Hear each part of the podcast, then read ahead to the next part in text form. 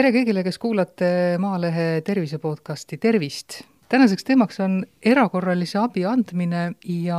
traumad, väga päevakohane, sest talv on üks traumaderohke aeg, kuigi erakorralist abi võib inimesel minna vaja erakorraliselt ja sõltumata sellest, missugune on aastaaeg. minuga räägivad Tartu Ülikooli Kliinikumi erakorralise meditsiini osakonna juhataja doktor Annika Uue ja doktor Aime Keis, kes EMO patsientidega igapäevaselt töötab. minu nimi on Liis Seljamaa. kui me erakorralisest abist räägime, siis erakorraline abi paljudel seostubki eeskätt traumadega, aga doktor Uue, mis sinna alla tegelikult kuuluvad? Tegelikult kuuluvad sinna alla kõik need äh, haigestumised, mis äh, abi saamata jätmisel või jäämisel kahekümne nelja tunni jooksul võiksid põhjustada inimesele kas püsiva tervisekahjustuse või äh, lõppeda surmaga. sinna alla lähevad müokardiinfarktid, ajuinfarktid, ägedad infektsioonid,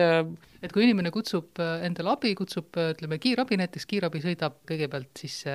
teie uksest? meil on ühine uks traumakabinetiga, nii et me tegelikult oleme kõik üks suur erakorralise meditsiini osakond, mis on tinglikult jaotatud kaheks, üks pool on haigestumise, teine pool on siis trauma kui sellisega kitsamas mõttes, igasugused lõikamised, kukkumised, väänamised, kõik see, mis põhjustab mingisuguse koha katkioleku, füüsiliselt katkioleku kui me vaatame, millega inimesed siis pöörduvad, kui tihti nad pöörduvad, mis teie tabelid näitavad? üks on traumatabel, kus on kirjas siis igasugused põhjused, igasugused haigestumised, mis on tuvastatud inimestel, kes on pöördunud traumakabinetti. kokku neid diagnoose on siia eelmise aasta jooksul, kaks tuhat kakskümmend üks aasta jooksul laotud kaheksateist tuhat. nii palju on eelmise aasta jooksul traumakabinetti pöördumisi, natuke peale ka. ja siis on erinevate diagnooside ja välispõhjuste kaupa, mis on siis inimesi vaevanud, kellel õlg katki, kellel jalg katki, kellel veel kuskilt katki, kõige rohkemad numbrid on siin kolme-neljasaja juures, küünarvarrevigastused, luumurrud, õlavarrevigastused, reieluuvigastused ja hüppelikäsi vigastused. Need on need kohad, mida kõige sagedamini katki kukutakse. tinglikult teise poole peal erakorralise meditsiini osakonnas on käinud kakskümmend kaks tuhat inimest eelmise aasta jooksul ja siin kõige suuremad numbrid on niisugused äh, viie-kuuesajaga diagnooside mõttes, juhtival kohal äh, kindlasti kõrgvererõhutõbi, ajuinfarktid, erinevat sorti kõhu- ja rentgerevalud sündroomi diagnoosina. alati ei pea olema see mingi väga suur ränk raske haigus, aga inimesel on valu, ta pöördub EMO-sse. tuleb aru saada, mis tal valutab, vahel on see midagi väga banaalset, vahel on see midagi väga tõsist, need on erinevad võimalused doktor Keis, kui me kukkumise traumadest räägime, siis praegu ilmselt on noh, kuidas öelda, hooaeg või? Et täna võib-olla ei ole väljas nii libe, seal ootesaalis istus tavalisel kolmapäeva hommikul vist ainult üks inimene hetkel, aga üldiselt, kui on talv ja libe, siis kukkumised on kiired tulema jaa, libedaga me näeme neid kukkumisi päris palju ja need käivad tõesti lainetena, need äh, nii-öelda patsientide pöördumised, et mida libedam on, seda rohkem patsiente ja kui see libedus hajub ära, siis äh, neid patsiente jääb vähemaks, mis ei tähenda seda, et neid vähe oleks, vaid äh, siis nad pöörduvad ja, ja siis need traumamehhanismid on natuke teistsugused kui ainult tänaval libedaga kukkumine selliseid, ütleme mitte libedaga kukkumisi, lihtsalt kukkumise traumasid, kui palju neid keskmiselt te näete? No neid on ka ikkagi päris palju, et äh, valdavalt juhib ju nii-öelda see kodus kukkumise põhjus, eks ole, trauma põhjusena ja, ja siis sellele järgnevad äh, spordivigastused, lastel koolis erinevad kukkumised, kas siis trepi peal jooksmisest või siis kehalisest, spordivigastused, äh, vähem siis juba järgnevad töötraumad ja, ja siis edasi tulevad juba sellised sihilikud vigastused nagu peksmised ja, ja muud sellised nüansid meil õnneks kaks kolmandikku aastast ei ole libe. see libedus jõuab küll väga palju kurja teha, aga kõik muud ajad meil on traumakabinetis ka siiski kibe töö, et ähm, jah, libedus lihtsalt muudab profiili kas võib siis öelda, et see külastatavuse sagedus päeva lõikes on ka kuidagi nagu ette prognoositav või et võib-olla hommikul ei olegi väga palju, siis päeva peale hakkab rohkem nagu tulema, kui inimesed hakkavad rohkem ringi liikuma ja tegutsema? Jaa, et see on äh, näha jah, ka nädalavahetusel muidugi veel rohkem on, paistab see silma, et tõesti hommikul ollakse tagasihoidlikuma külastusega ja, ja siis kuskil üksteist, kaksteist hakkab tõusma see arv ja, ja enamasti läheb ta kümne-üheteistkümneni välja õhtul. Ja siis, siis tasapisi ta langeb, et siis öö jooksul tõesti kas siis üksikud patsiendid käivad, et pigem on sellised öise külastatavuse hooaeg või tipphooaeg on pigem ikkagi suvi kus inimesed on nii-öelda ööpäevaringselt aktiivsemad kui võib-olla talvel. No öise külastatavuse profiil ilmselt on ka natukene teine, et äh, seal võib-olla kukkumisi lihtsalt niisama esineb vähem, et äh, rohkem on inimeste omavahelist niisugust kokkupuudet? jaa, seal on ka kõike ausalt öeldes, et seal tõest-, tõsi ta on, et äh, öiste pöördumiste puhul mängib tõsist rolli traumade juhtumiseks alkohol ja lisaks kukkumistele tõesti omavahelised arvete klaarimised, erinevad õnnetused näiteks klaasidega, nugadega, nii et sellised lõikehaavad, mis prevaleerivad tõesti võib-olla soojemal ajal kui, kui pigem pigem talvel kas see tähendab ka seda, et koos kiirabiga saabub politsei või saabuvadki kannatanud näiteks politsei äh, saatel või? jaa, erinevalt. kõik kiirabiga saabujad ei pruugi olla ka politseiga saabujad, et pigem, kes on agressiivsemad, tõesti on, on politsei abiks, aga enamasti kiirabiga või siis, või siis ka ise kas viimase paari aasta jooksul, kui inimeste liikumist on mõnevõrra piiratud, on ka traumadega pöördumine muutunud esimese sellise lockdowni ajal tõesti oli traumadega pöördumine väiksem, esimesed paar nädalat lockdowni ajal ja ka teise sellise koroonalaine ajal me nägime, et traumadega pöördumine esimesed äh, nädalad äh, oli väiksem. aga ega ta nüüd selles mõttes ei ole enam vähenenud, ma ütleks, et ta on täpselt samasugune nagu kõik tavaperioodid ja isegi natukesed suuremad numbrid, nii et praegu ei ole enam selles mõttes äh, Covidi mõju küll traumadele tunda enam. aga kas Covidi mõju on teie töös teistmoodi tunda, et te peate alati sellega arvestama, et ka patsiendid, äh, kes tulevad, mitte seda, et kedagi ukse taha jäetakse, loomulikult mitte, aga et kuidas see suhe traumapunktis on, liigub igasuguseid kuuldusi, osad inimesed arvavadki, et kui nad ei ole vaktsineeritud näiteks, et siis neid ei võetagi üldse vastu, ei aidatagi ei, miks sellist asja ei ole kunagi olnud ja ei saa ka olema, et vastu võetakse nad ikka, kui neil on probleem, millega peab pöörduma EMO-sse. selleks meil ongi ukse peal inimene, kes küsib, mis on mure, juhatab triaaži õe juurde ja seal tutvutakse, mis on haige probleem esmalt. jah, tõsi, tänu pandeemiale esimene asi ukse peal on mask ette ja kõrvakraadiklaas, et oleks aru saada, kas inimesel on palavik või mitte. sest olenemata vaktsineerimisest ja vaktsineeritusest on meie kohustus praeguste reeglite järgi infektsioonitunnustega inimesed esialgu kuni testi vastuse saabumiseni hoida teistest eraldi, sest me ei pea soodustama nakkuse levikut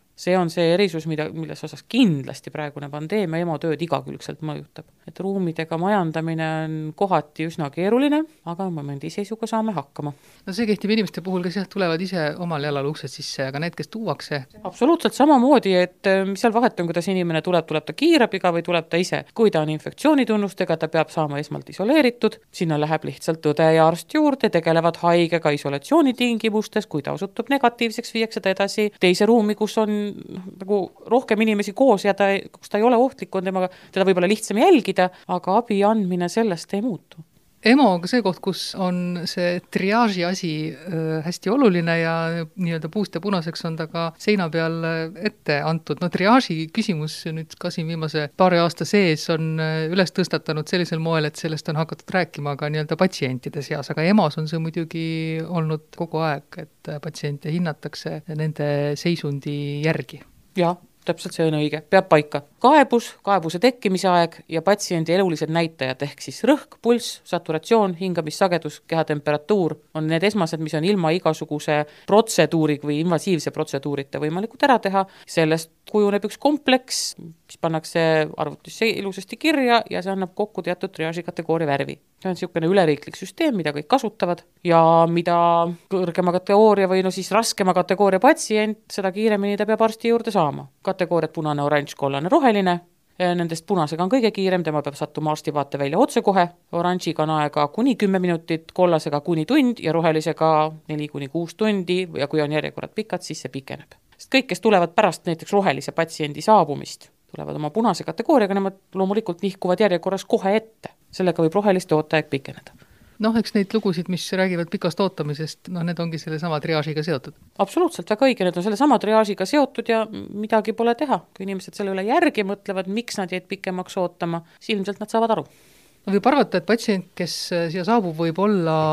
ütleme, segaduses, ärevil, tal võib olla väga suured valud, tihtipeale võib-olla patsiendi jaoks jääbki alguses nagu segaseks, et mis temaga tehakse ja kuhu ta nüüd äh, peab minema ja teie ülesanne samal ajal, kui tegeleda tema traumaga, on siis ka vaadata, et ei läheks tema ärevus väga suureks jaa, me hindame patsienti tervikuna, eks ole, et mitte ainult tema vigastatud piirkonda ja probleemi ja ütleme, millist sekkumist ta nagu vajab, kas või sedasama valuravi, kuni ta ootab, eks ole, siis kabinetti pääsemist, see tegelikult juba ka triaaži ajal ja patsiendi registreerimisel üsna sageli tehakse kindlaks või siis ka patsient küsib ise selles suhtes, et kui tal näiteks on valusündroom tugev, siis ta võib ka alati ise seda öelda kohe registreerimisel ja, ja talle siis võimaldatakse valuravi ja esmane siis selline sekkumine, kuni siis ütleme, kui ta kuulub sinna rohelisse kategooriasse, eks ole, sest et alati valu ei tähenda seda, et äh, võiks olla taga selline tõsine luumurd, sest noh, valu, valu võib ka olla erinev, eks ole, ja valu tugevus võib olla erinev. aga kui ta pöördub ise ja näiteks on ikkagi väliselt näha juba nii-öelda seal ukse peal, kus ta registreeritakse või noh, siis registratuuris, et tal on näiteks seal vigastatud piirkonnas siis äh, kas see käsi on näiteks kõver ja, ja või sealt haavast on väga intensiivne verejooks, et noh, siis see info jõuab sinna meile kabinetti ja, ja siis loomulikult see, see triaaži värv ka muutub jooksvalt, et see triaaži värv ja, ja võib roheline patsient muutuda ka punaseks ootamatult, eks ole, et äh, seda õnneks juhtub harva, aga, aga alati me ei tea ja ei näe kohe sinna sisse ju, ju ära, eks ole, et need kaebused võivad olla vahel tagasihoidlikud, aga see probleem, mis need kaebusi põhjustab, on, on teinekord väga suur kas on abi, kui keegi tuleb patsiendiga kaasa lähedastest ja kas seda tänasel päeval üldse saab teha? No ega me nüüd Covidi tõttu, eks ole, ja, ja praegustes sellistes isoleerimise tingimustes väga lähedasi ja, ja teisi isikuid nii-öelda juurde ei lase, noh, eks ole, noh, üks asi on lapsed, eks ole, kes on oma vanematega, see on nagu loomulik, või on näiteks patsiendil mõni puue, mis vajab saatjat, eks ole, et, et siis küll, aga üldiselt ikka jah, väga saatjaid praegusel hetkel siia patsiendiga ootesaali ja ootesaali pinnale ja, ja EMO pinnale me ei luba kui me kukkumisest äh, veel rohkem räägime, siis kes on need riskirühmad, kes on ohustatud üldse sellisest nagu kukkumise ohust või kes sagedamini ennast niiviisi vigastavad? ütleme niimoodi, et pigem on need, kelle vigastused võivad osutuda tõsiseks selle kukkumise järgselt, on ikkagi eakad inimesed meil täiskasvanud ja, ja lapsed siis, siis vähem, aga jah, et eakad on need, kellel kukkumised võivad põhjustada selliseid, rohkem selliseid tõsisemaid luumurde kui võrreldes näiteks täiskasvanu sama traumamehhanismiga jah, aga eakatel seda kukkumist võib esineda ka sagedamini, no ükskõik mis põhjusel, siis äh, lihtsalt äh, tasakaal kaob kergemini ära ja nii edasi. just, et kas tasakaal kaob kergemini ära või jääb jalg vaiba taha kinni, ehkki on ka selliseid ennetatavaid kukkumisi näiteks, et ei pea olema lilled kõrgel kapi otsas, et siis tabureti pealt neid kastmas käia, eks ole, et ka oma ütleme, sellise koduse äh, võiks eakad ikkagi ümber vaadata ja, ja neid riske kukkumise tõttu, ütleme, et neid situatsioone saab vältida osasid, mis, mis sellist tõsisemat kukkumist põhjustab. kaks sellist nõrgemat kohta, mis on eakal inimesel, eriti naisterahvastel, on just nimelt randmepiirkonnad ja puusaliigese piirkonnad, et neid murdusid me näeme sageli eakamatel inimestel. Ja, ja kolmas tõesti siis on pea, noh, pigem peahaavad, siis kukutakse kuskile kas siis nurga vastu või äh, vastu põrandat. No nagu te ütlesite, et siis äh, annab oma kodus niimoodi sättida asju, aga kas on veel mingisuguseid noh, nii-öelda nagu ennetavaid meetmeid, äh, mis kindlasti vähendavad kukkumisohtu või võivad kukkumisohtu vähendada? Ütleme niimoodi, et ega väga otseselt, kui inimene on oma nii-öelda olmetingimused ära hinnanud, eks ole, ja tõesti maandanud need riskid, ütleme niimoodi, et on päris palju traumasid, mis juhtuvad sellised, ongi sõna otseses mõttes õnnetus, lihtsalt. Läks vesi maha, oli põrand libe, eks ole, et, et mida ei olegi nagu võimalik ennetada või siis trepi peal, nojah, et trepi peal võiks ka ettevaatlikult va vaadata, et mitu trepiastet veel jäänud alla minna on ja mitte tormata trepi peale, eks ole, kui me räägime näiteks lastest, noortest, eks, kes vahel koolis võivad ka tormakad olla ja, ja trepi peal neid vigastusi juhtuda, nii et et enamasti need on ikkagi sellised õnnetused, et noh, nagu me ütleme, et õnnetus ei hüüa tulles, aga, aga on täiesti ka ennetatavaid jah, et sellega peaks Eesti riik, ütleme selle teavitustööga peaks Eesti riik ikkagi tegelema ka. No kui me libedusest räägime, siis kui on vähegi võimalik, siis libedusega õue minekut muidugi saab vältida, et see on üks kindel viis, kuidas see õnnetus ära hoida jaa, kindlasti, et äh, seda ka äh, öeldakse ja toonitatakse, et äh, ärge libedaga õue minge, aga noh, inimesed ikka lähevad, nii et kas siis hinnatakse ennast üle või tõesti on väga vaja minna, et noh, ütleme näiteks jõululaupäev, eks ole, ja kui on libe, siis no mitte, mitte ükski asi ei takista inimest surnuaeda minemast, et mis on üks, üks väga suur risk kukkumiseks jällegi, sest et surnuaiateed on libedad, nii et jah, ütleme, et inimesi hoiatatakse, aga see on inimese enda valik, mis ta siis teeb Need niisugused saabaste alla pandavad, noh, ütleme, naelrihmad, selliseid asju meil on olemas küll ja ma tean inimesi ka, kes neid kasutavad, aga ma ei tea, kui laialdaselt see levinud on. ma ei oska öelda, selles mõttes, et ma siia, kes pöördunud on kukkumise tõttu ja libeda tõttu, ma ei ole neid näinud, ma olen tõesti paaril patsiendil näinud neid, et neil on tõesti need jalas olnud, aga, ja nad on pöördunud üldse mitte libedaga kukkumise tõttu, vaid siis on see trauma juhtunud kodus, aga, aga tõesti neid võiks kasutada, et seda ei maksa häbeneda, et need sellised sellised nii-öelda naelad all on ja, ja nendega on märksa turvalisem käia mina tean väga palju kiirabitöötajaid, kes kõnnivad ringi ja klõbisevad hoolega, sest naelad on alla pandud. nii et ma ei leia, et see üldse oleks kuidagimoodi imelik, kui millegagi saab ennast aidata.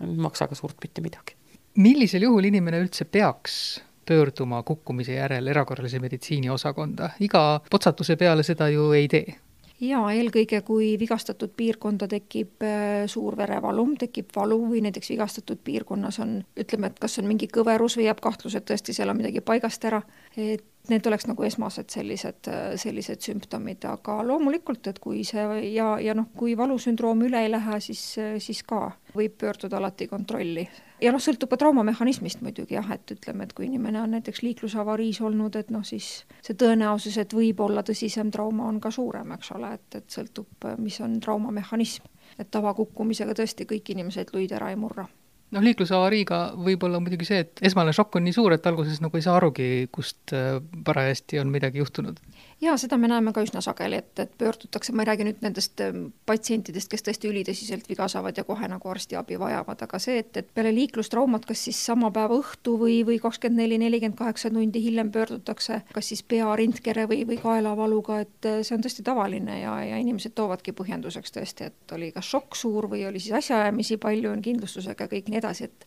et nii-öelda see foon, et, et kuskilt valutab, see tekkis alles hiljem. Aga sellist asja ei ole, et on mingisugune kehaosa või piirkond, mille noh, nii-öelda vigastamise järel ilmtingimata peaks pöörduma, et, et noh, kui oled pea ära löönud või küünarnukki vigastad, siis kindlasti peaks tulema ei,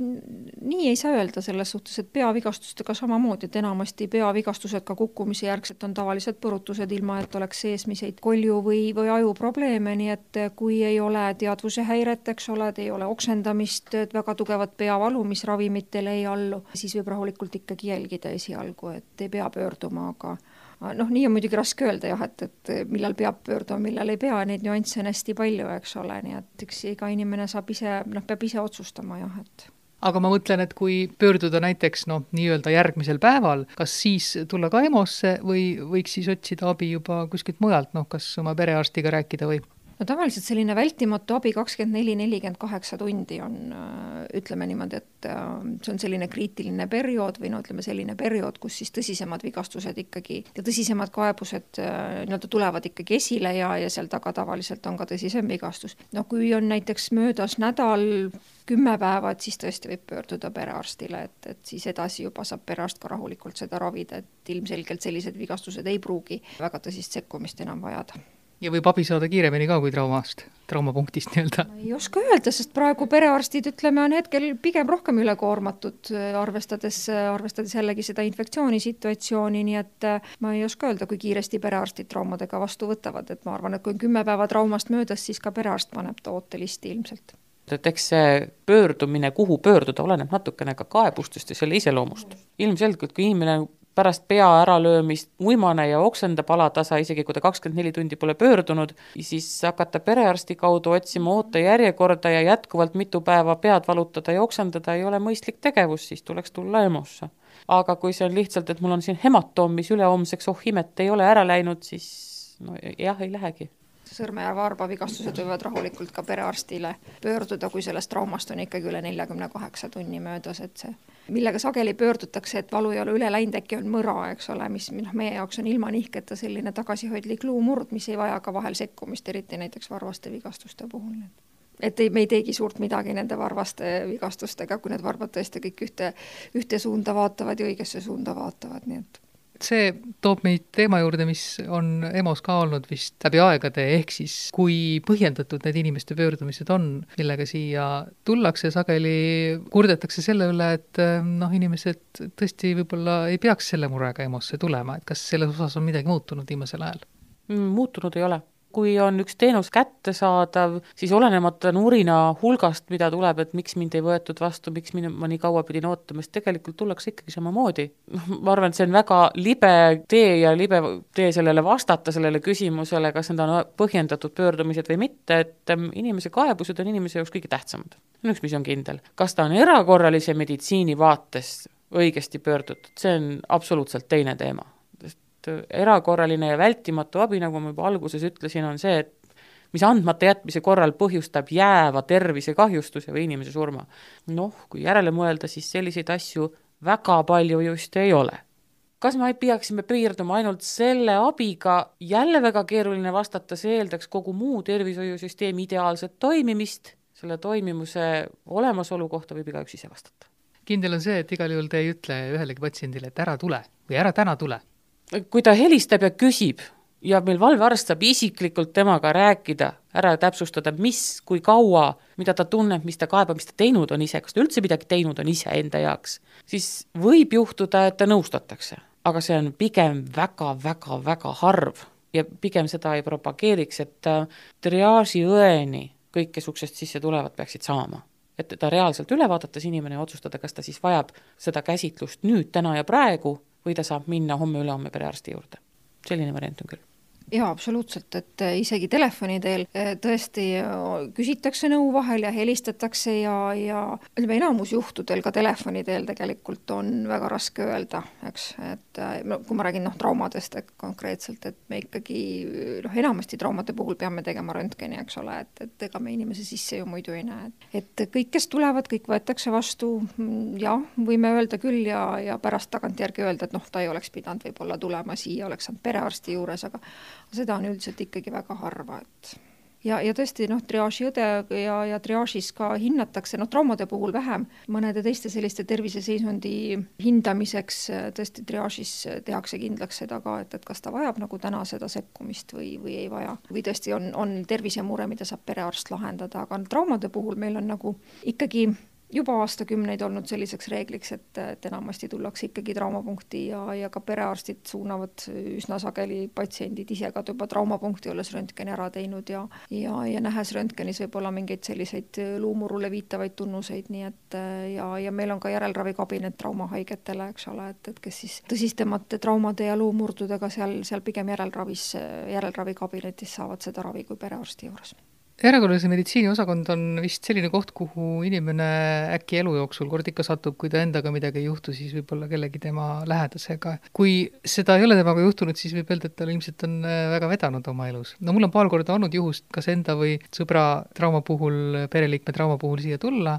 võib-olla kõige niisugune elavam päev oli peale jaanipäeva, see on ilmselt ka üks aeg, kui klientuuri jagub oo jaa, jaa, jaanipäev ja kui me nüüd siin räägime nendest kahest aastast lockdownist, mis on tavaliselt olnud kevadel ja, ja siis nii-öelda soojal ajal kõik vabanevad selle lockdowni alt, et siis need suved on olnud ikkagi päris töörohked, isegi ausalt öeldes mitte enam sõltuvalt jaanipäevast, vaid minu meelest oli see suvi läbi siin vabanemise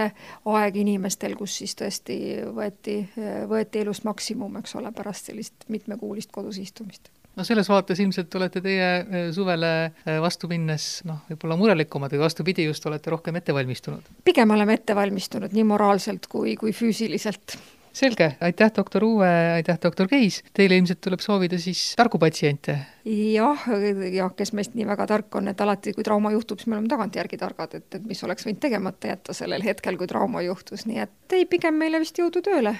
tagantjärele tarkus on täppisteadus, see on ammu teada tõde, aga noh, kui inimene võtaks vaevaks ära hinnata oma võimed, libeduse, oskused, vaataks kahe silmaga ringi, mitte ei kõnniks kõrvaklapid peas, kapuuts peas mööda tänavat ringi, ma arvan, et juba sellest oleks väga palju abi